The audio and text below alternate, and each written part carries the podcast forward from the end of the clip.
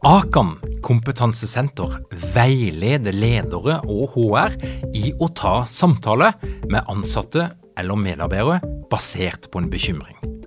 Akan setter ledere og medarbeidere i stand til å forebygge og håndtere en problematisk bruk av alkohol, narkotika, legemidler, spill eller doping blant ansatte. Ønsker du å lære mer om god forebygging og gjennomføring av samtale med en som du er bekymra for? Da kan du nå få tilgang på Akan sitt digitale samtalekurs til spesialpris, kun 760 kroner. Målet med kurset er å gjøre deg tryggere i det som kan være en krevende, men viktig samtale å ta i lederrollen.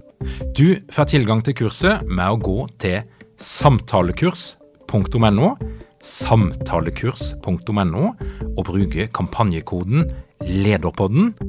Tilbudet gjelder ut april. Ting er tøffere enn det du tror. det er sånn. Alt er både mye verre og mye bedre enn det du tror, på en gang.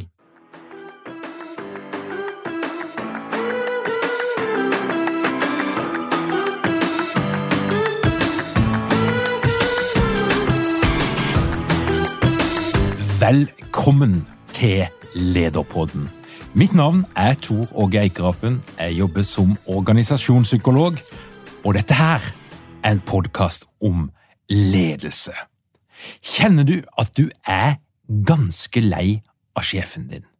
Driver du og sysler med tanken på å starte noe helt eget? Da er du ikke alene. I 2020 ble det etablert 20 226 nye virksomheter i Norge. Mange av disse selskapene vil gå konkurs ganske snart, og det er bare noen få som vil bli en lønnsom, stabil suksesshistorie. Og hva er det egentlig som skal til for å klare dette her? Og er det som kjennetegner en gründer i 2021? Og hvilke grunner er det til at du egentlig bare bør la være å forsøke det som gründer? Det skal du få svaret på i dagens episode. For sammen med Per Ivar Nikolaisen starta Lukas H. Weldergebril nettavisen Skifter i 2016. Ønsket var å lage god journalistikk om innovasjon, omstilling og de nye virksomhetene som skal bygge framtidas Norge. Velkommen til Lederpodden, Lukas. Tusen takk. Veldig hyggelig å bli invitert. Jeg var, ja, for jeg var litt skeptisk når du spurte meg. For liksom, hva vet jeg om dette her? Så, så det blir spennende å se hva vi, hva vi kommer fram til i løpet av episoden. Ja, Lukas, Jeg har jo hørt på podkasten, som òg er en del av Skifter-konseptet. Og, og, du har jo intervjua flere hundre snart gründere, og mitt inntrykk er jo at vi har veldig mye å snakke om. Ja, eh, da får vi se om, om du har rett i den antakelsen. Jeg er helt sikker på det, og vi kan begynne litt med, med, starten. Og, og Hva det som gjorde at du tok sats den gang da, i 2016, og eh, satte ting på spill for å realisere det som nå har blitt til skifter? Ja, altså det er jo um, det er jo, det er jo mange sånne forskjellige origin stories uh, til ulike selskaper. Uh, for meg så er det egentlig primært to ting. Um, det var Altså, det ene var liksom personlig. Altså, jeg hadde bare lyst til å bygge et selskap. Altså starte fra scratch. Jeg jobbet, i, eh, jeg jobbet mange år i, i Schibsted-systemet i både Aftenposten og, og, VG. Eh, og jeg jobbet ofte med ting hvor man startet eh, altså prosjekter som blei ble, måtte, små enheter eller businesser i businessen. Og så jeg tenkte liksom, hva er liksom ultimate utfordringen? er jo å bygge et selskap fra scratch. Så det, var liksom, har alltid vært en, da, en drøm da, om å få, få, lov til å gjøre. Eh, og så sluttet eh, min dyktige sjef i VG, eh, og da gikk jeg også ut i pappaperm etter det. Eh, og da fant jeg ut at liksom, livet er for kort til å ikke satse. Så, så da, da, bestemte jeg meg for å satse. Da visste jeg ennå ikke at det skulle starte skifter. altså. Men etter hvert så fant jeg ut at det skulle bli skifter, og da var det måte, ok, hvor, hva, skal man, hva skal man drive med, da? Hva skal man bygge? Um, og, da handler det om å velge noe som uh, du tenker kan ha en impact, altså noe som betyr noe. Uh, og uh, Så den, andre drivkraften handler jo om at jeg tror vi i Norge må ha et større fokus på å omstille oss, omstille næringslivet til et mer altså, fremtidsproof næringsliv, hvis man kan si det sånn, eller futureproof næringsliv. altså Både i forhold til bærekraft etc., men også økonomisk bærekraft, i form av at man møter en ny type konkurranse. Eh, både eh, fra, fra eh, altså internasjonale, store big tech-selskaper som tidligere ikke dreiv i tradisjonelle industrier, men nå som nå gjør det. Men også, også mm, altså, fra de som av konkurrentene som forstår hvordan det nye næringslivet bør drives. Da. Så med det fokuset, da, at man skal bidra til å omstille næringslivet, eh, så har vi valgt ut et enda tydeligere fokus, og det er å fokusere på å belyse da gründervirksomheter. Eh, og spesielt da teknologigründervirksomheter, som eh, jeg mener er noe vi må satse enda mer på i Norge da, for å kunne bygge et, et, et bærekraftig næringsliv, som igjen opprettholder altså, både vår livskvalitet, men også, eh, men også altså våre demokratiske institusjoner. Da, jo, hvis vi ikke har et robust næringsliv, så, så sliter også demokratiet. Da. Så det, det, er den sånn, det er grunnen til at jeg gjør skifter, og ikke noe annet. Mm. Hvem er det som leser skifter? Um, det er egentlig veldig mange eh, som jeg ikke hadde forventet skulle lese skifter, men, men, naturlig nok så er det mange gründere som leser skifter, eller folk som jobber i gründerselskaper. Eh, teknologiinteresserte mennesker, eh, og gjerne de som har stillingstitler som er litt sånn annerledes fra det vi har i tradisjonelle næringsliv. Det er litt sånn Eh, det er kanskje litt feil fokus, da, men, men, alt fra de som jobber i, gründerselskaper, altså i gründerselskaper, til folk som jobber i etablerte selskaper med å videreutvikle. Da. De som ikke nødvendigvis jobber med drift og execution, men de som jobber med å bygge altså innovasjon eller nye forretningsområder etc. Eh, så er det masse investorer som hører på oss, eh, men også folk, vanlige folk i næringslivet, offentlig næringsliv i linja, da, som er interessert i å og er nysgjerrig på eh, dette nye eh, næringslivet. Eh, gjerne de som, som var som meg, da, som var liksom i ferd med å kanskje bryte ut for å starte noe selv. Så det er både egentlig alle, men også, men, også, men da definerte grupper da, innenfor for alle begrepet. Når, når, jeg vokste opp, så vokste jeg opp i en, i en gründerfamilie der veldig mange drev for seg sjøl. Min far drev som byggmester, min mor drev en klesbutikk, og det var mye onkel og tante som drev for seg sjøl. Men når jeg hører på din podkast, så skjønner jeg jo at dette her er to forskjellige ting. Hvis vi skal prøve å definere hva en gründer er for noe i din skifterverden, så er ikke det nødvendigvis bare det å være selvstendig næringsdrivende. Det er noe mer. Hva er det som ligger i begrepet? Ja, altså, det, det er, Vi skiller jo på dette mellom altså vi kaller det sånn, eller Man kaller det for sånn livsstilsgründer eh, ofte. Eh, eller gründere som ehm, eh, Gründere som eh, eh, bygger altså primært en arbeidsplass for seg selv, da, eh, og kanskje et par andre, som ikke har et fokus på å å skalere denne virksomheten eh, verken i Norge eller i utlandet. Så er, ofte så er det det vi skiller på, da.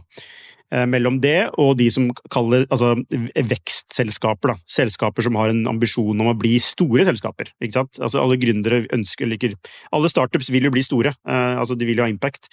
Så, så det er jo forskjellen, da. Eh, en, en, familiebedrift så er det, er det ikke nødvendigvis målet å bli verdensledende. Men det er, å, det er, å, gjøre noe man mener bidrar til en verdi som noen vil betale for, veldig enkelt. Eh, og man trenger, man trenger det, absolutt. Eh, men vi fokuserer kanskje på de, de som skal, skal utvide med x antall ansatte i løpet av ett år. De som bygger en forretningsmodell som, eh, som, er, altså, som er, skalerbar, da. Og ikke minst kanskje da utvikle teknologi, eller bruke teknologi på nye måter som gjør det mulig å nå veldig mye lengre da, enn det lokale samfunnet man bor i. Så det er altså livsstilsgründeren. Det er småskala. Det er å drive for seg sjøl. Istedenfor å ha en sjef, så er du din egen slave. Mens, mens, når du snakker om gründer, så snakker vi om noen som har en ambisjon om å skalere og skape noe stort som er større enn seg sjøl. Ja, det var egentlig veldig godt uh, oppsummert. Uh, ja, nettopp. Altså, men altså, når vi snakker om gründere i Skifter, så gjør vi det. Uh, men jeg har jo respekt for begrepet gründer, at det også kan brukes i andre områder. Så vi, vi sier ofte, altså, for å gjøre det enkelt, så kaller vi bare tech-gründer. Det er ofte de vi skriver om, da, og det vi skriver om. Men samtidig så syns jeg det er veldig mye spennende som skjer blant ikke-tech-gründere. Som man kan lære av.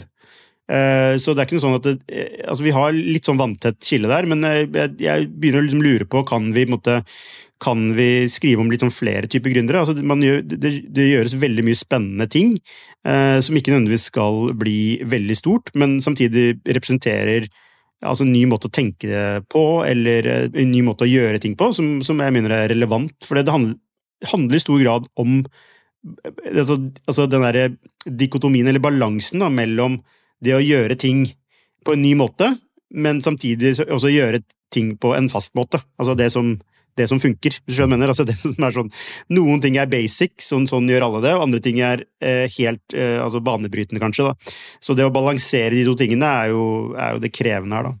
Og så er det vel sånn i dag at eh, nesten alle typer mm, oppstartsvirksomheter med ambisjoner, der er det jo et element av teknologi. Så, så er det, er det, hvem, hvem, er det i dag som ikke på en eller annen måte er en teknologigründer, hvis en først skal inn i den definisjonen av å være en gründer? Ja, altså, ikke sant? Liksom, har, har man, Bruker man en PC, så bruker man jo teknologi. ikke sant? Eller uh, tar man betaling via VIPS, eller, eller altså betaling altså du ser jo ikke, så lenge, tar, tar, du betaling på en annen måte enn uh, fysisk cash, så, så, må du bruke en form for teknologi. altså det er sånn, Så det er sånn, det er én ting da, at man bruker det, men en annen ting er liksom, er den teknologien din uh, unik for det produktet du leverer? ikke sant?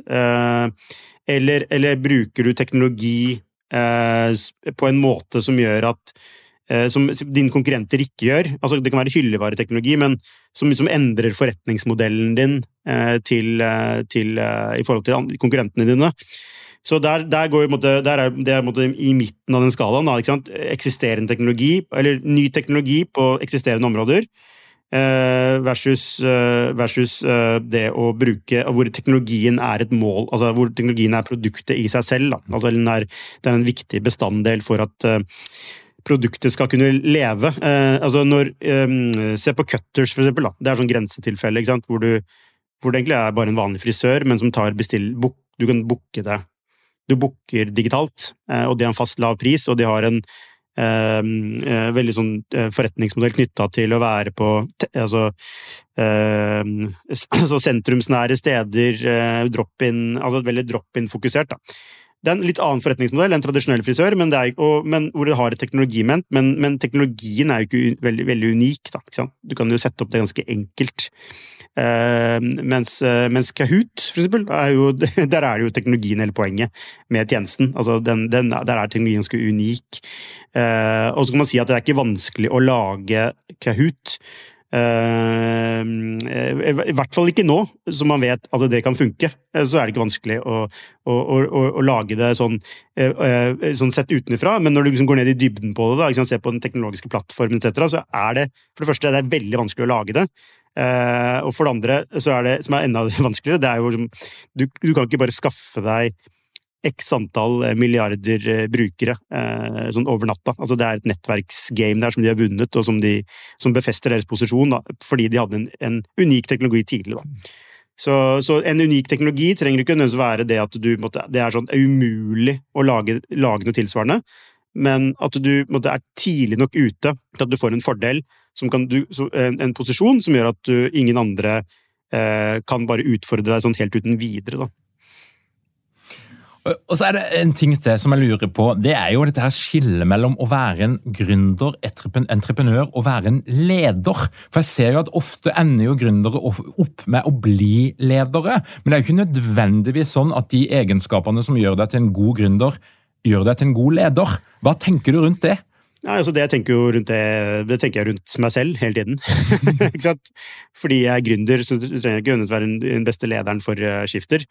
Uh, men vi har mange eksempler på da i selskaper uh, hvor, altså det er, hvor, det ikke er gründeren som leder selskapet hvor de innser at det er jo ikke det, er jo ikke det de vil drive med, altså ledelse. Altså Airthings er et eksempel på det, som, som er ja, siste podkast, uh, podkasten vår. Øyvind Birkenes, som er CEO i, i Airthings, han, han, var ikke gründer av selskapet. Han kom jo inn når de omsatte for 10-15 millioner. Uh, når han riktignok dratt det opp til 200-300 millioner. uh, men, men, uh, men altså, så, så, så, det å være du skal ikke nødvendigvis være leder av gründerselskapet ditt i all fremtid, men i startfasen så er det helt essensielt at du er at du får det opp på et nivå som gjør at du kan få inn nye til å dra det videre. Da. Så, men ja, det er mange gründere som burde gitt seg eh, som, som, ledere, eh, og, og, og, det er ikke noe skam i det. Eh, og, så det og så er det mange gründere som faktisk gjør det, og, og gir stafettfinn videre. Uh, for eksempel, altså Uh, Odd uh, oh, Nå glemmer jeg etternavnet hans, men i, i Atensi, gründeren av Atensi, han har på en måte bygget, fått inn en annen CEO og, som driver det videre. Det er hans metode, da. Uh, per Otto Wold, som jeg også hadde på podkast nylig, i Spond, bygget opp, fått inn en ny CEO og trekker seg tilbake som styreleder. Eh, selv om han kunne drevet det videre, men det er sånn, ok, noen andre, noen andre, er bedre på den neste fasen som selskapet skal inn i nå, derfor trekker jeg meg ut. Eh, og som gründer er det ofte en selskapseier, altså du har en eierinteresse, så da som, som en selskapseier så er det fornuftig at noen, noen, som er bedre egna, driver selskapet videre. Mm. Altså du, for det skal bygge større verdi. Mm. Så, så, mm, ja, det er ikke nødvendigvis en eh, god leder av å Du trenger ikke være den beste lederen ved å være gründeren i selskapet. Nei, og jeg ser jo En del av de selskapene som jeg jobber med som, som vokser kraftig, så er jo det et sånt smertefullt punkt. Altså Når du innser at det å sitte med tre roller, f.eks. å ha en operativ lederfunksjon, være eier, sitte i styret, blir litt rotete. Altså Det som gjorde deg til en god gründer, det, og også kanskje en god leder på et lavt nivå, er ikke nødvendigvis det som skal til for å få selskapet til de neste, den neste milliarden, eller hva det skal være. Men hva er, hva er de, de problemstillingene som du ser dukke opp? Altså Der det er en eller flere gründere som er veldig operative og som henger fast. Men, men, men hva er utfordringene som kan dukke opp? Så Det er jo uh, utallige utfordringer som kan dukke opp. Uh, hadde man visst hva de var, uh, så kunne man liksom lykkes mye bedre. fordi det er, det er jo altså, det er alt mulig rart. Men sånn overordnet så er det jo noen ting som går igjen, og det er jo ofte at man er Altså at gründerteamet ikke har en tydelig enighet om hva de vil med selskapet. Altså det, er, det, er, det, blir ofte et problem. Eh, det kan også til og med være konflikter i gründerteamet, eh, som gjør at det svekker hele organisasjonen. Eh, andre utfordringer er jo når du skal vokse. Altså det er veldig lett når man er to eller tre personer som, som sitter ved siden av hverandre, og som har maksimal altså informasjonsutveksling. Altså et, altså man, man, man, er maksimalt aligned. Da det er veldig stor forskjell på det å være tre stykker og være 15 stykker. ikke sant? Uh, og hvor, hvor, uh, hvor 70-80% ikke er gründere, som er vanlige ansatte. Uh, som ikke har den samme tilknytningen til selskapet som det du har. og det er veldig stor forskjell på å være 15 og være 50, og så videre og så videre. Så, så denne voksesmerter er jo noe som de fleste typer gründere som vi skriver om, da, går gjennom. Um, og det å, det å, kunne skalere på en fornuftig måte det, Uansett hvor dyktig du er, så er det en, er det en pain da, uh, å, å, klare å, å, å, få til det. Uh, en annen ting altså, Det er jo nok av utfordringer, ehm, men det er jo det å Altså, mange gründere har jo heller ikke vært ledere før, ikke sant. De har, egentlig, de har, en idé om et, noe, og det er ikke sånn det er, ingen, det er, ikke mange gründere som, som, nødvendigvis drømmer om at de skal drive med ledelse. Altså, De har et problem de vil løse. Det er det de vil løse. Og, men eh, til, altså på et eller annet tidspunkt så blir verktøyet ditt for å løse problemet blir ledelse. Fordi det er noen andre som må gjøre det eh, for at det skal kunne skalere. Eh, og da er det Istedenfor å sitte dypt ned i materien og jobbe med produktutvikling, så, så sitter du med, og jobber med folk som jobber med produktutvikling, og må få dem til å yte mest mulig. Da. Så, så den, den, overgangen fra produkt til ledelse tror jeg mange, mange sliter med. Og så er, det, så er det jo noen som syns det er veldig, veldig gøy. Jeg synes, personlig syns det er superspennende overgang, eh, men jeg, jeg, ser jo samtidig at jeg, jeg kom jo til kort sant, på ledelsesbiten. Selv om jeg egentlig har Jeg har jo mye Jeg har jo ledererfaring fra altså etablerte selskaper. Men er, altså, gründerledelse er noe helt annet, fordi du skal vokse så mye. Eh, og, og, fordi du har så få ressurser. Eh, du har ikke noe HR-avdeling, du har ingenting støtteapparat. Så, så må, du må gjøre alt selv i en hektisk hverdag. Eh, I tillegg til at du må liksom, sørge for at businessen går rundt. I tillegg til at du må se på hvor er vi om tre måneder. Hvor, altså, da har vi ikke lønn til de ansatte. Det er så veldig mange flere hensyn du må balansere, i tillegg til den kall det ledelsesbiten. Eh, så det å være gründerleder er å være en eh, Altså, jeg ser på meg selv som en Altså en vaktmester eh, slash Altså, ja, alt mulig person.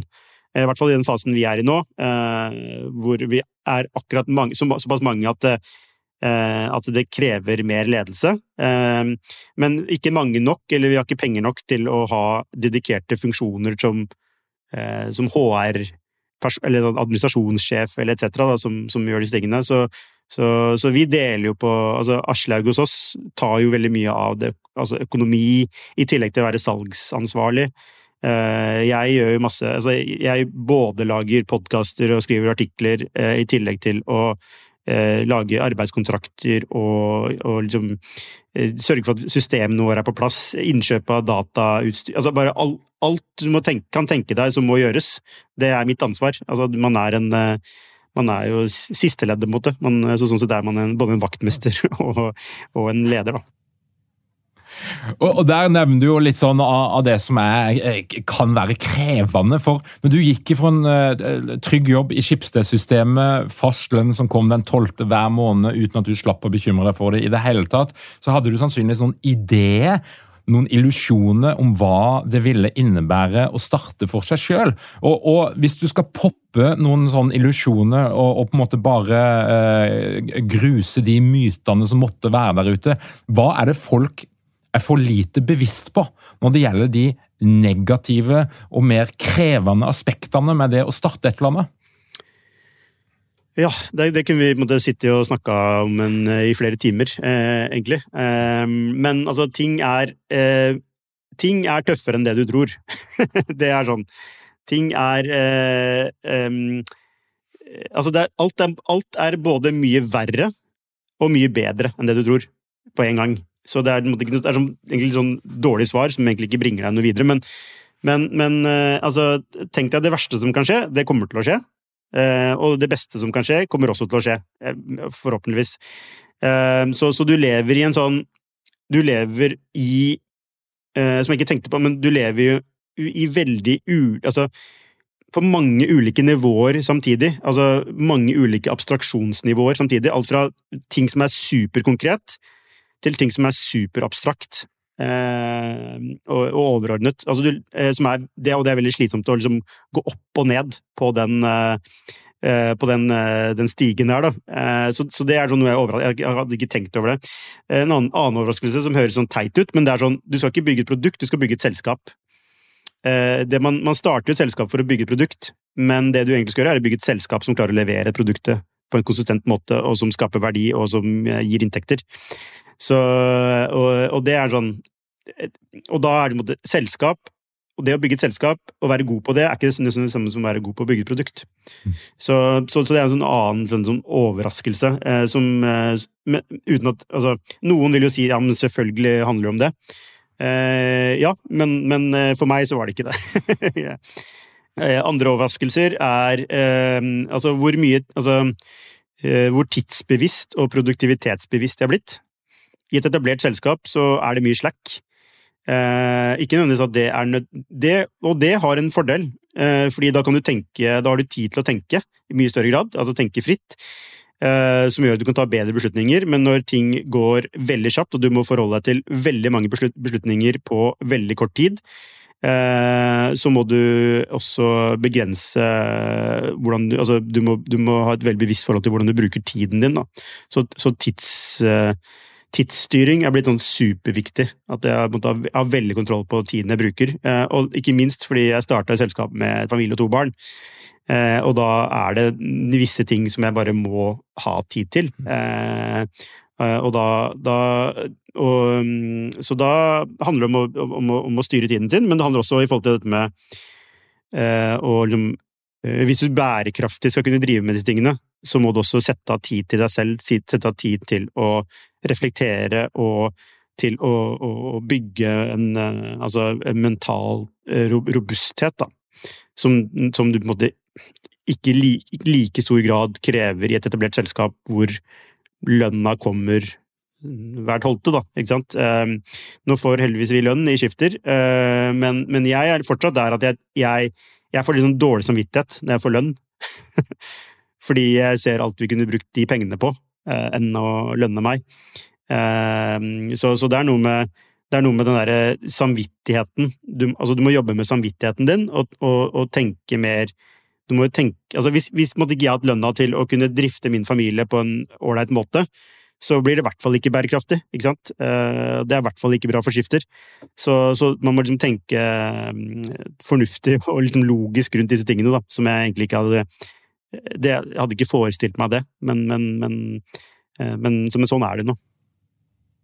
Så det du sier noe om det er at det krever en ekstrem grad av selvledelse og, og ikke minst tidsstyring for å få dette her til å funke? Ja, helt klart. Eh, så jeg, eh, jeg har prøvd å liksom definere det litt, da. Hva er det som Hva er det som kjennetegner ledelse?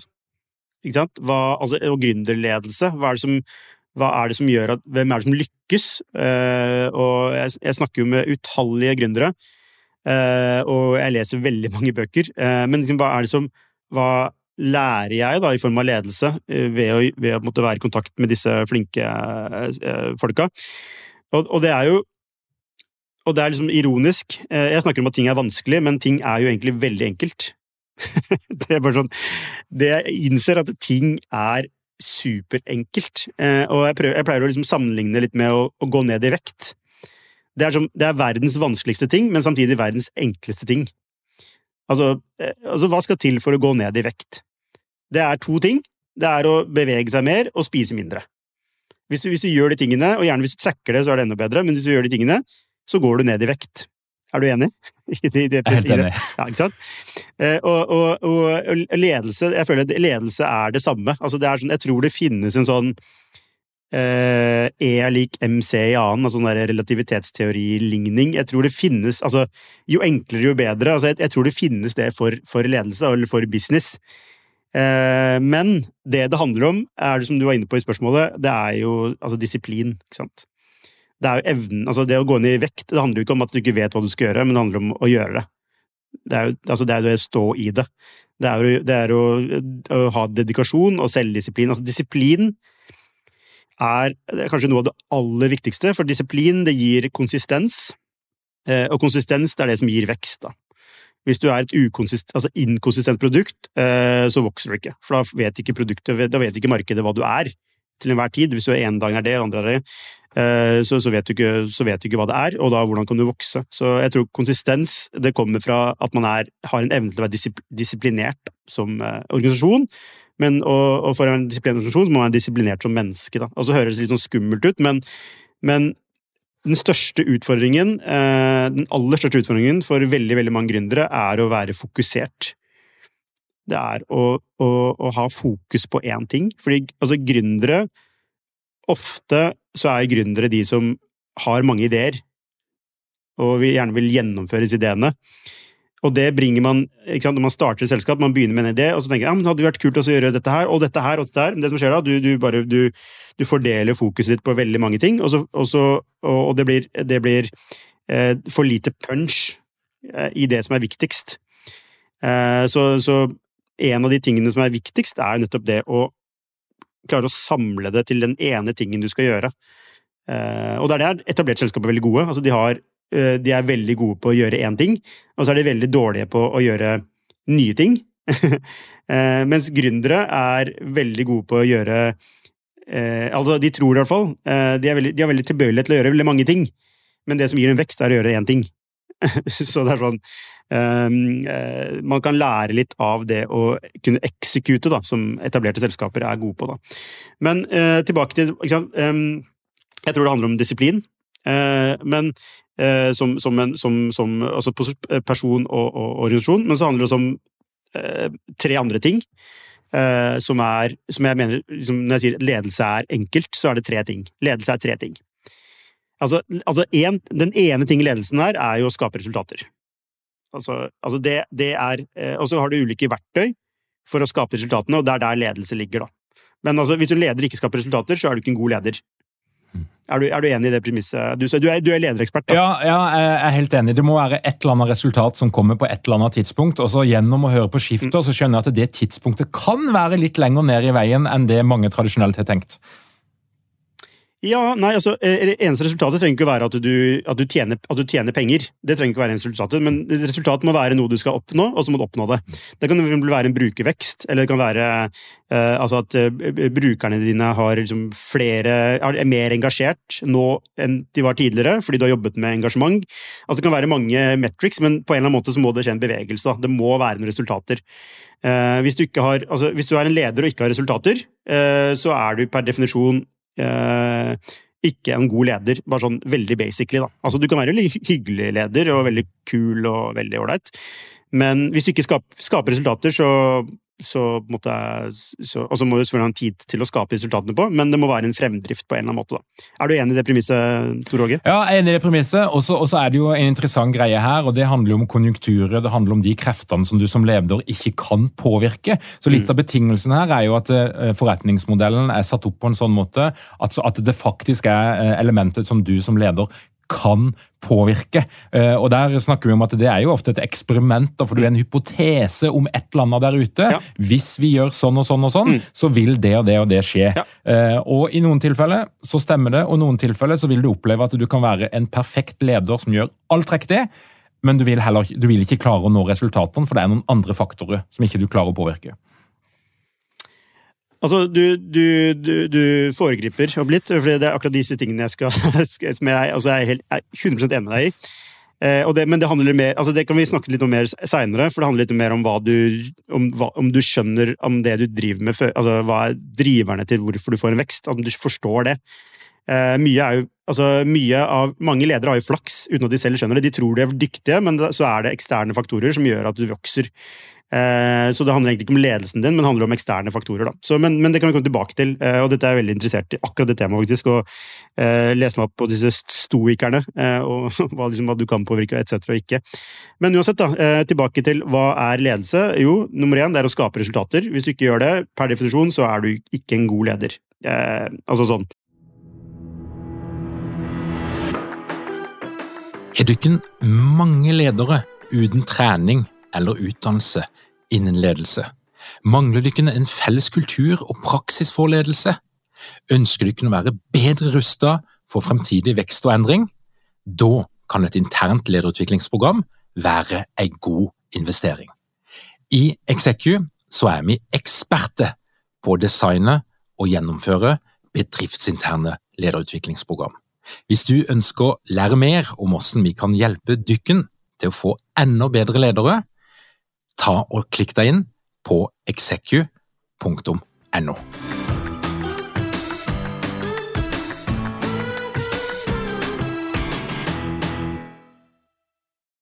Satt på spissen, og så kan du komme med din innvending du gjør. da. Men ok, også Hvordan skaper du resultater? For, for meg så, så, er det handler om Og dette er basert på alle de jeg har snakket med, og, og det jeg leser selv, så det måte, og det er min, min, jobb som leder. Det er jo, det er jo tre ting. Og, og jeg, må bare, jeg er ikke noen ekspert på ledelse overhodet. Og jeg er veldig sånn utforskerfasen, altså. Veldig. Eh, og jeg jobber med disse tingene hver dag, og jeg ser Men jo mer jeg jobber med det, jo mer så ser jeg hvor mine svakheter ligger, da. For jeg får en måte å definere eh, eh, og artikulere det jeg driver med. Så jeg, jeg kan måte, i større grad se hva som er Jo, men det, det, jeg sliter jo med den, dette punktet her. Det er der jeg er dårlig, liksom. Så jeg, bare, jeg må bare presisere det. Eh, jeg er ikke noen eh, Jeg vil ikke si at jeg er en dyktig leder. Overhodet ikke. Men jeg er i prosess. Eh, så, så, og så kan man jo si at de som blir dyktige, er de som er i prosess. Så, så, håper jeg på det, da. Men uansett. Tre ting. Det ene som er superviktig, er retning. Hvor er det selskapet skal? Eh, strategi, mål etc. Altså hva, hvilken vei Hva er det vi driver med, og hvorfor driver vi med dette her, og hva skal vi oppnå? Ikke sant? Eh, det er sånn superviktig. Der har vi vært for dårlige, selv i Skifter, eh, men vi jobber med, jobber med, det. Det andre er Jeg kaller det for vilje. Altså evnen din som leder til å skape en velvilje og motivasjon hos dine ansatte til å, å nå disse målene. og det er, liksom, det er både, og det er, liksom, det er litt mer sånn emosjonelt og relasjonelt. At du jobber med det altså interpersonale med, med, med, din Altså, du må det, Som ofte er kanskje det er kanskje det største fokuset ditt, vil jeg tro, innenfor da, psykologien. Det er å jobbe med relasjoner. Uh, og det, det tredje uh, er evne. Ikke sant? Altså, i hvilke, hvilke strukturer setter du på plass uh, som gjør dine ansatte til å, å, yte så godt som mulig, da. Eh, så det er, det er, basically de tre tingene. ikke sant? Retning, hvor god er du på det? Eh, hvor god er du på å skape den, den viljen eh, til å, få til ting? Og, og ikke minst da hvor god er du på å legge til rette for at dine ansatte har evne til å kunne gjennomføre disse tingene. Og det kan være liksom alt fra OKRs til alt mulig rart, eller alle strukturene sant, som, som, som, ligger der for at man skal kunne nå på det. Så det er, veldig, det er jo veldig, veldig enkelt sagt, da, så er Ledelse er å vite, samt gjøre det som er rett for å oppnå resultater. Og så kan man diskutere hva er, hva er det å vite? Hva er kunnskapen? Hva er det å gjøre? Altså hvilke handlinger skal du gjøre? Eh, og, og, og, hvilke resultater skal du oppnå, da? Eh, eh, så det er liksom kunnskap, action, resultater. Eh, det er, det er sånn jeg definerer ledelse. Hva, hva, tenker du om eh, den definisjonen? Nei, Jeg syns den er veldig god. Og, og, det er, og, det er, jo interessant for meg, det du snakker mye om, det er jo um, autonomi. Vi bruker OKRs, agile metoder. altså Det er mange fancy begreper som, som kommer inn i denne verdenen. Men hva er det egentlig vi snakker om? Og det jeg tenker vi egentlig snakker om, det er jo å legge til rette for den indre motivasjonen som potensielt bor hos folk. Og det er En av mine store fanesaker i psykologien det er jo å spre det glade budskap om mestring, autonomi, mening, opplevelsen av å være en del av noe som er større enn seg sjøl. Jeg tenker jo at Mye av det du snakker om i din podkast, det er jo noe som de etablerte aktørene burde ta inn over seg i enda større grad. Altså, Hvordan kan vi rigge en organisasjon, hvordan kan vi lede en organisasjon, så det blir mest mulig av denne krafta som blant annet Netflix eh, beskriver at de på en eller annen måte klarer å, eh, å skape. Ja, Netflix er jo en interessant eh, greie. Eh, er, altså jeg har masse innvendinger mot den modellen. Ikke fordi, altså Den funker fordi den funker der den er. Og det er jo sånn, også en sånn greie hvis man, hvis, man, leser veldig mye ledelseslitteratur da, og, og selvhjelpsbøker og etc., etc., så er det liksom ikke bare, det er ikke bare liksom å kopiere Amazon. Eh, det er ikke bare å gjøre det de gjør. Det er liksom ikke, altså, mange jeg snakker med om altså, Netflix har jo en sånn ganske spesiell kultur, eh, og det er jo skrevet en, en bok om dette her, som heter No Rules Rules. Eh, som er, beskriver et veldig sånn high performance-selskap. Uh, hvor uh, de som er Ja, du har boka der, ja. Mm. Middels, uh, middels Altså de som, de som gjør akkurat det de må, måte, de er, det er ikke godt nok. Altså, eh, det er sånn hvis du, er, hvis du har med, altså, medium uh, performance equals uh, a generous severance package, det vil si du, liksom, Leverer du middels, så er det en stor sluttpakke. Um, og, og, og, så er det mange altså dette er, det, det beskrives jo et, sånn, et, et interessant system og inni det systemet er det veldig mange taktikker, blant annet som at folk kan velge hvor mye ferie de skal ha, etc., etc.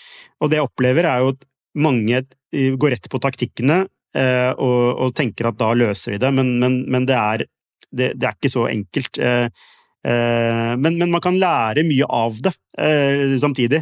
Så, så, men, det der, men, det der, å bare oversette altså direkte til ditt eget selskap hva en Silicon Valley-aktør gjør, med x antall tusen utviklere etc., det er, liksom, det er litt naivt, da, syns jeg, da.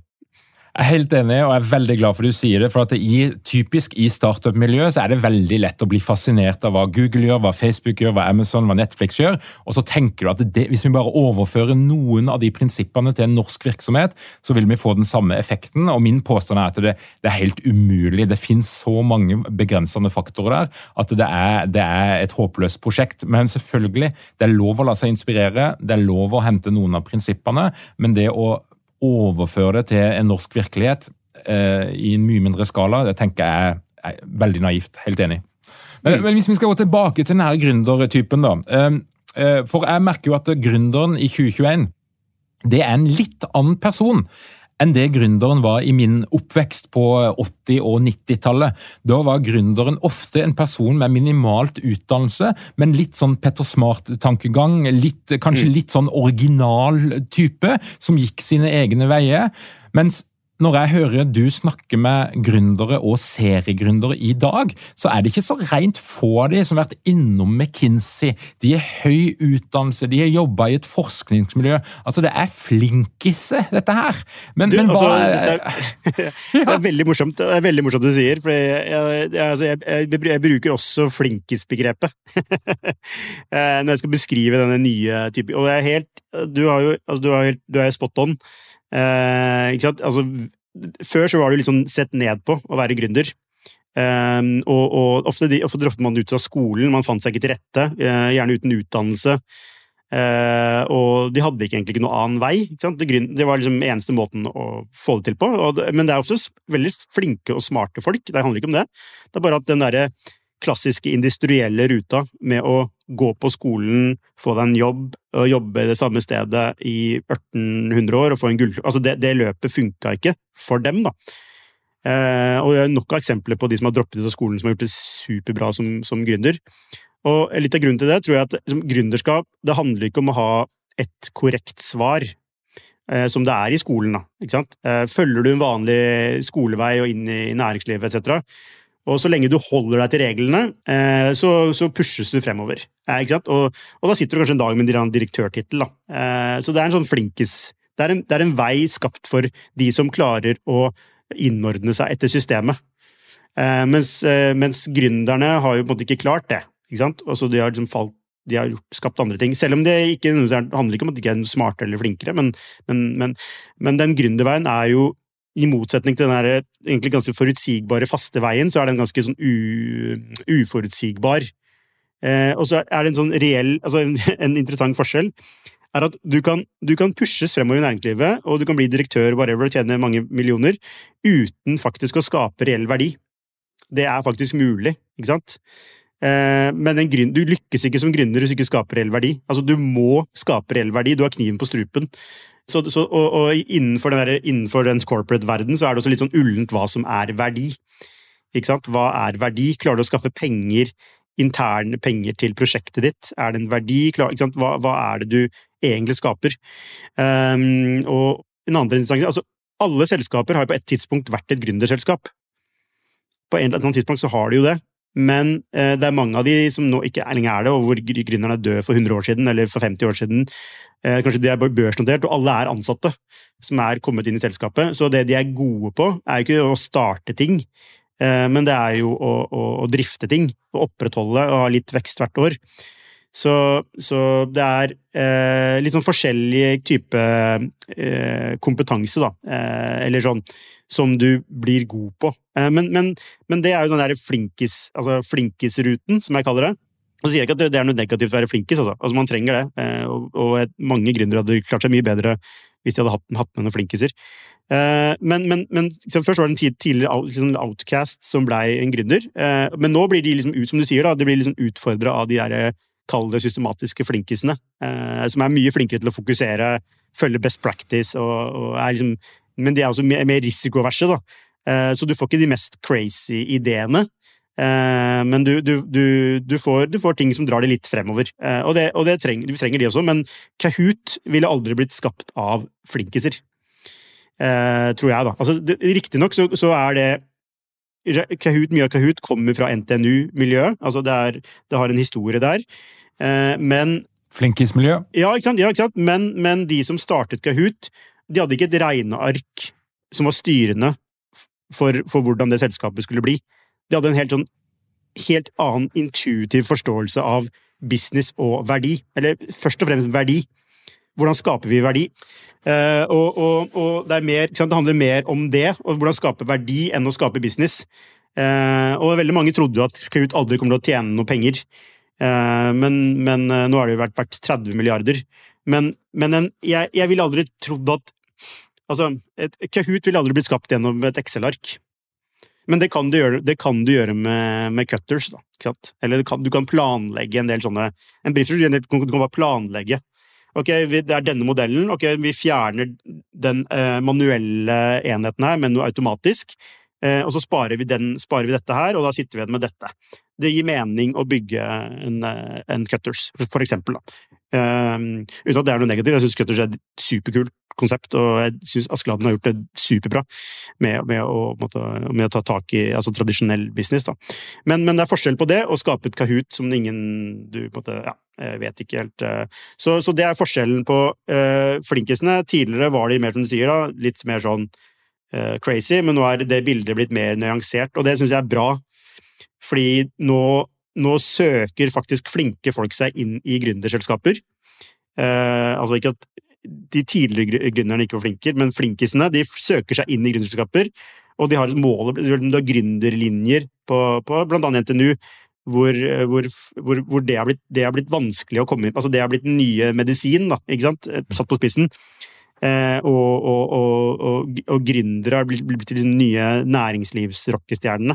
Uh, og, det er positivt, for da får du et mer, mangf mer mangfoldighet inn i den, den verden. Uh, og så mener jeg også at flinkisene er jo mye bedre på struktur og, og kan balansere da, en, en, crazy gründer, som gir han litt mer fokus, eller gir henne litt mer fokus, som gjør at de kan uh, komme kjappere til mål enn det de ellers ville gjort, da, via 17 andre ideer, hvis du forstår hva jeg mener. Så Hvis vi skal prøve å eh, personlighetsanalysere da, gründeren anno 2021, hvis vi skal tenke oss at det finnes noen fellestrekk, og det er jo ikke sikkert de gjør det, du sier at det er mangfoldig, men, men du sier noe om at de er strukturerte. Uh, og når jeg hører på din podkast, så høres det òg ut som de fleste av de har en eller annen faglig bakgrunn. Altså De har mm. en eller annen form for høyere utdannelse som de bruker uh, i det de starter. Jeg tror det er et veldig viktig punkt uh, å tenke altså, Jeg nevnte mange nå som droppa ut av skolen uh, for å bli gründere. Men jeg tror det er veldig smart å gå på skole, uh, eller på en eller annen måte utsette seg for, for utdanning. om det enten er på et universitet eller hva det måtte være. Men både for det du lærer Altså det du kan lære av metodikk, altså i forhold til kritisk sans etc., altså den vitenskapelige metoden. Men også for å bygge et nettverk at du, at du, blir kjent med folk. Det er viktig. Eh, men også, kan, eh, også, så tror jeg det er sunt at man jobb, har en vanlig jobb før man blir gründer. Eh, det er gjort undersøkelser som viser at de som Altså erfarne arbeidstakere eller eldre gründere gjør det mye bedre enn ferske altså gründere rett fra skolen. Så jeg tror faktisk det er smart. Det. Og noen av de mest suksessfulle gründerne har jobbet et sted hvor de har identifisert et problem gjennom jobben, eh, som de da går ut for å løse gjennom et, å bygge et selskap. Da. Så bransje, altså du får dyp bransjekompetanse. Eller at du, altså, eller at du måtte forske på noe, altså teknologi, og, for, og skjønner du ser, en, altså, du ser, noe nytt da, eh, som, som, kan, som, du kan, som, du kan, forestille deg en, en fremtid eh, i, altså, i, et nytt produkt ute i markedet, eksempel. Så jeg tror veldig på utdannelse, både for Eh, at du blir utfordra i hvordan du tenker, eh, men også som en inngangsbillett til et arbeidsliv som kan gi deg betalt eh, kompetanseheving da, innenfor et tema som gjør at du er bedre rusta til å starte et selskap. Så, så, så ja. Det, det, er ikke sånn at du, du man, altså, Anbefalingen er ikke å droppe ut, tvert imot. Det er å få så mye betalt kompetanse du kan bare få. Og så eh, snakker du jo en del om, og, og de, dine gjester i podkasten snakkes jo en del om at du må ha energi, du må ha drive, du må ha motivasjon. Eh, om det betyr at du jobber døgnet rundt, eller du finner en eller annen work-life balance som du selv beskrev at du måtte finne ut av på en måte, det er jeg litt sånn usikker på. Men, men hvor mye karisma har den typiske gründeren? For det er, jo, det er jo noen gründere som bare rett og slett selger en idé. Altså De tegner opp en idé, en hypotese om en fremtidig forretning, og så gjenger de ut i markedet og sier kjære investor, bruk dine penger på denne ideen, og det finnes ingen bevis overhodet på at ideen vil fungere. Og Da er vi jo kommet til et punkt som du, et begrep som du bruker ganske ofte, som du gjerne kan forklare litt, som heter traction. Men først, trenger mm. gründere karisma for å lykkes? Eh, altså, eh, som en nødvendighet eh, så er svaret nei. Altså, det er mange lite karismatiske gründerledere. Eh, så, så du, du, må, du, må, ikke ha det. Eh, du må heller ikke du, altså, du må heller ikke ha en, en, en, god historie å fortelle, selv om det hjelper veldig. så, så, nei, svar, veldig enkelt så er svaret nei. Men, men og noen, i noen tilfeller så kan det være negativt. At det er veldig altså, karismatisk. Folk vil tenke at det er en bløff, eller at du måtte Altså her er det mye prat, men lite konkret. Eh, så, så, jeg personlig er jo Jeg syns jo de mest interessante er de der litt, ofte de litt introverte, eh, ikke-karismatiske eh, gründerne som, som, er mest interessante. For de har egentlig ikke fått så mye gratis på den karisma karisma altså karismakortet, da, eller, så, så, de, så det er mer substansielt, men det er jo bare en sånn noe det, det, det, er ikke, det, er det, er ikke sikkert det stemmer, altså, men det er bare et inntrykk av det. Så nei, du trenger ikke å ha karisma, men det du må ha for å selge produktet ditt, er jo en Det må skinne gjennom en overbevisning. Altså, du må jo selv tro på produktet ditt på en, øh, på en måte som gjør at noen vil kjøpe det. Um, og, og, så kan man si er det karisma? Kanskje, uh, men, men men første, altså, uh, først og fremst så må du være en selger som en gründer. Du må selge produktet ditt til et marked, til en kunder. Du må også selge uh, Du må selge selskapet ditt til ansatte, altså for å få dem til å jobbe for deg. Du må selge produktet ditt, eller du må selge selskapet ditt uh, til investorer for å få penger. Så salg er en sånn ofte de beste Hvis du Eh, det mange gründere ofte kanskje kan gjøre litt feil, er jo å ikke gjøre de første salgene selv. Men at du for tidlig får inn en salgsperson som skal selge, selge produktet ditt. Men du må selv faktisk klare å selge det produktet. Det er nesten sånn en, en, en, en forutsetning, tenker jeg. Eh, at du skal klare, klare, det. Hvis du selv klarer å selge produktet ditt, eh, hvem, altså, hvem skal gjøre det da? Ofte så er gründere lett de har ofte lettere for å klare å selge produktet, fordi de er så overbevist. Det er en overbevisning som ligger i bånn der. Men jeg tror ikke du må være så veldig karismatisk, og det finnes jo mange eksempler på, på, på, gründerledere som ikke er karismatiske, men som får ting gjort. Da, eh, mm. og, og, det er ikke alle som tiltrekkes av karismatiske folk heller. Så, så, men det spørs jo hvordan vi definerer kar, eh, karisma, da. Eh, ikke sant? Eh, så, så, det, så det, det avhenger kanskje litt av det.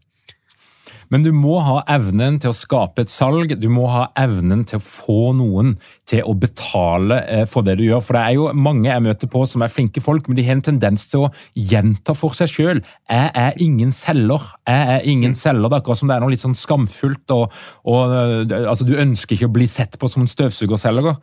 Men det du sier, Lukas, det er jo at eh, du trenger ikke være karismatisk, du trenger ikke være ekstrovert, men du må ha evnen til å skape den transaksjonen. At noen faktisk legger pengene på bordet for å betale for det du skaper.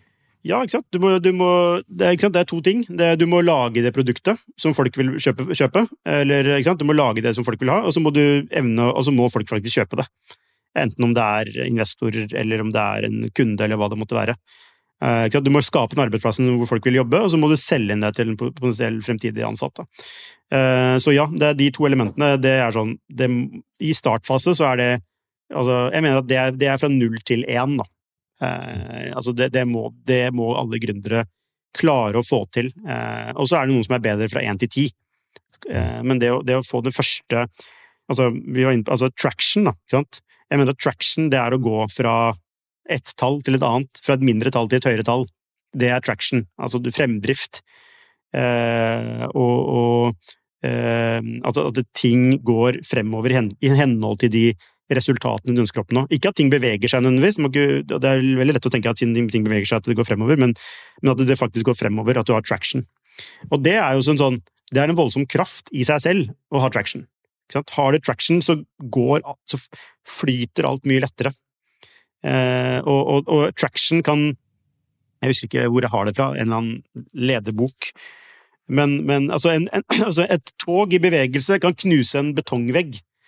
Ikke sant? Eh, når, det, når det har fart. Eh, mens eh, en eh, Det kan samtidig også eh, forhindres fra å starte av en liten stein som står på sporet.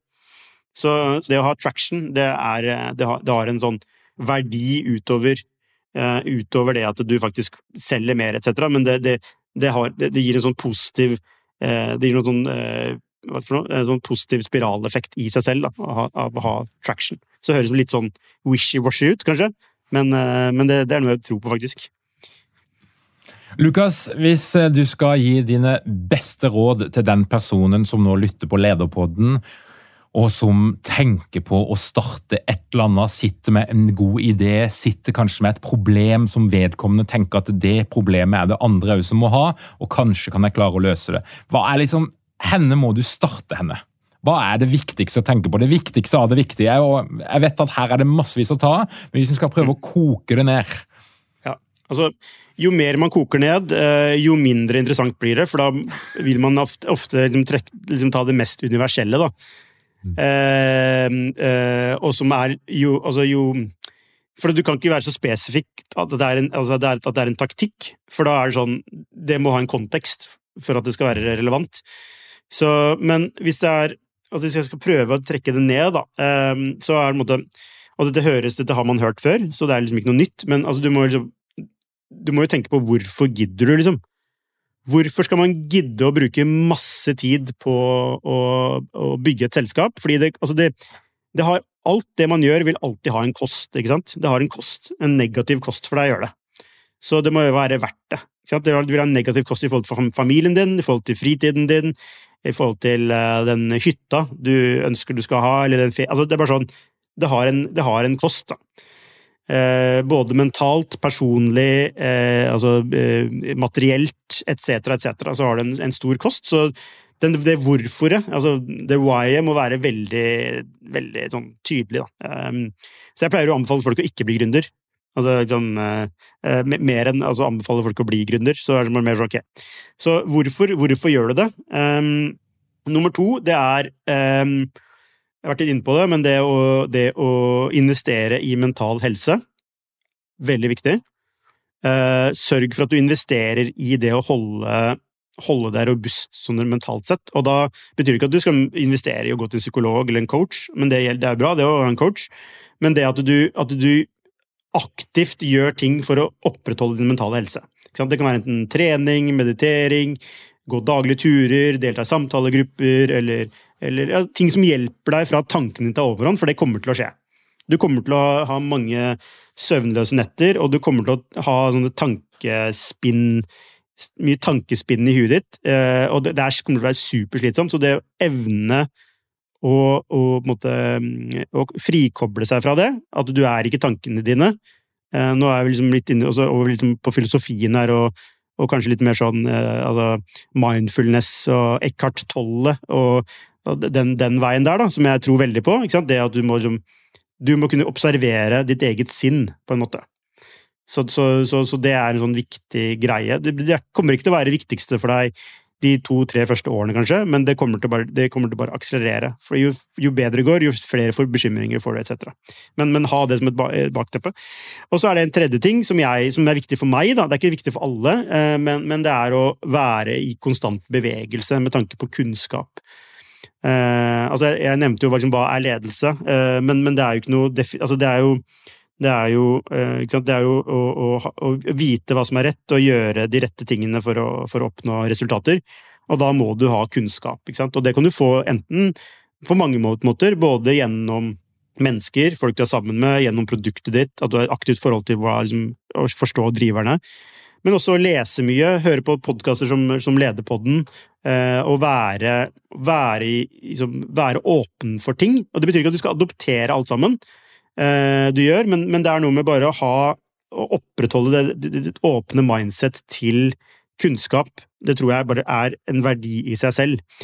Og så, er det en, en sånn felle å gå i der, er jo Det er nettopp det å ikke gå inn i Netflix-fella, da. Ikke sant? Det er, liksom, det er ikke å tenke at det, sånn skal vi gjøre det her eh, nødvendigvis. Eh, og det er ikke du skal gjøre alt det du for En dag så hører du det ene, og andre dag hører du noe som er fullstendig motsatt. ikke sant? Så, så, eh, og du, har, du, du, må bevare en form for konsistens innad i organisasjonen. Så hvis du hver dag kommer med en ny eh, metodikk som man skal følge, så blir det veldig slitsomt å være ansatt. Eller hvis du hver dag kommer med noe Eh, altså, hvis, altså, hvis, du lar, liksom, lar, deg lede fra det ene til det andre hele tiden, så, så, kan det bli ganske krevende for, for, for selskapet ditt, organisasjonen din. Så, men, men, men, og der, det er mitt det er, det, Apropos mine svakheter, så er jo det én svakhet jeg har. At jeg liksom leser noe ah, dette må vi selvfølgelig gjøre! Ikke sant? Eh, så det jeg må, det jeg må liksom bli bedre på, er liksom velge ut Virkelig forstå det, lese flere ting om tematikken, det, gjøre det så robust som mulig, og se om ok, er dette noe som faktisk kan implementeres? Og og så tenker jeg, jeg pleier å tenke liksom, hva er det, det minste hva er det minste, minste implementeringen jeg kan gjøre for at jeg skal få ut verdien? Hva er det minste jeg kan gjøre for å skape minst mulig endring, men som, eh, men som vil ha en effekt? da? Altså tenke sånn mer enn at man skal liksom, eh, eh Jeg har gått på fella selv med å liksom innføre for store ting altså, som ikke blir adoptert. da. Så, så det er mer den derre hva er de 20% som gir 80 eh, men, men også virkelig se det fra flere, flere forskjellige sider før du implementerer noe. Uh, en, en, tredje ting, eller fjerde ting, kanskje, som, som du var litt inne på i stad, dette med hva er det du kan kontrollere og ikke kontrollere. Det tror jeg er superviktig å skjønne det mindsettet, og der vil jeg anbefale å lese om, om, sto, om stoikerne og, og stoisismen, og at du, at du, at du det som skjer, altså resultatting som skjer Altså, du må, du må, kunne skille mellom hva som er under din kontroll, og hva som ikke er det. Ofte er jo resultater ikke under din kontroll. Altså, du kan ikke du, du, Altså, Federer, eh, verdens beste tennisspiller, han kan, ikke, han kan, ikke, bestemme at han skal vinne en kamp. Altså, han kan, gjøre, han kan gjøre alt mulig for å trene og bli så god han bare kan, for å øke sannsynligheten for å vinne den kampen. Eh, men han kan ikke bestemme at han skal vinne den kampen. Så, så result, altså det å frikoble resultater fra prosess, og det å fokusere på prosess, tror jeg er superviktig. Det å, å, gjøre det beste du kan, gjøre de tingene du kan påvirke. Um, uh, og, du, og, ikke og, ikke minst da finne ut av hvilke drivere hvilke, Hva er det som driver produktet mitt? Jeg tror veldig mange ikke forstår det, fordi de altså ofte, hvis du har suksess, så tenker du at du har gjort alt rett.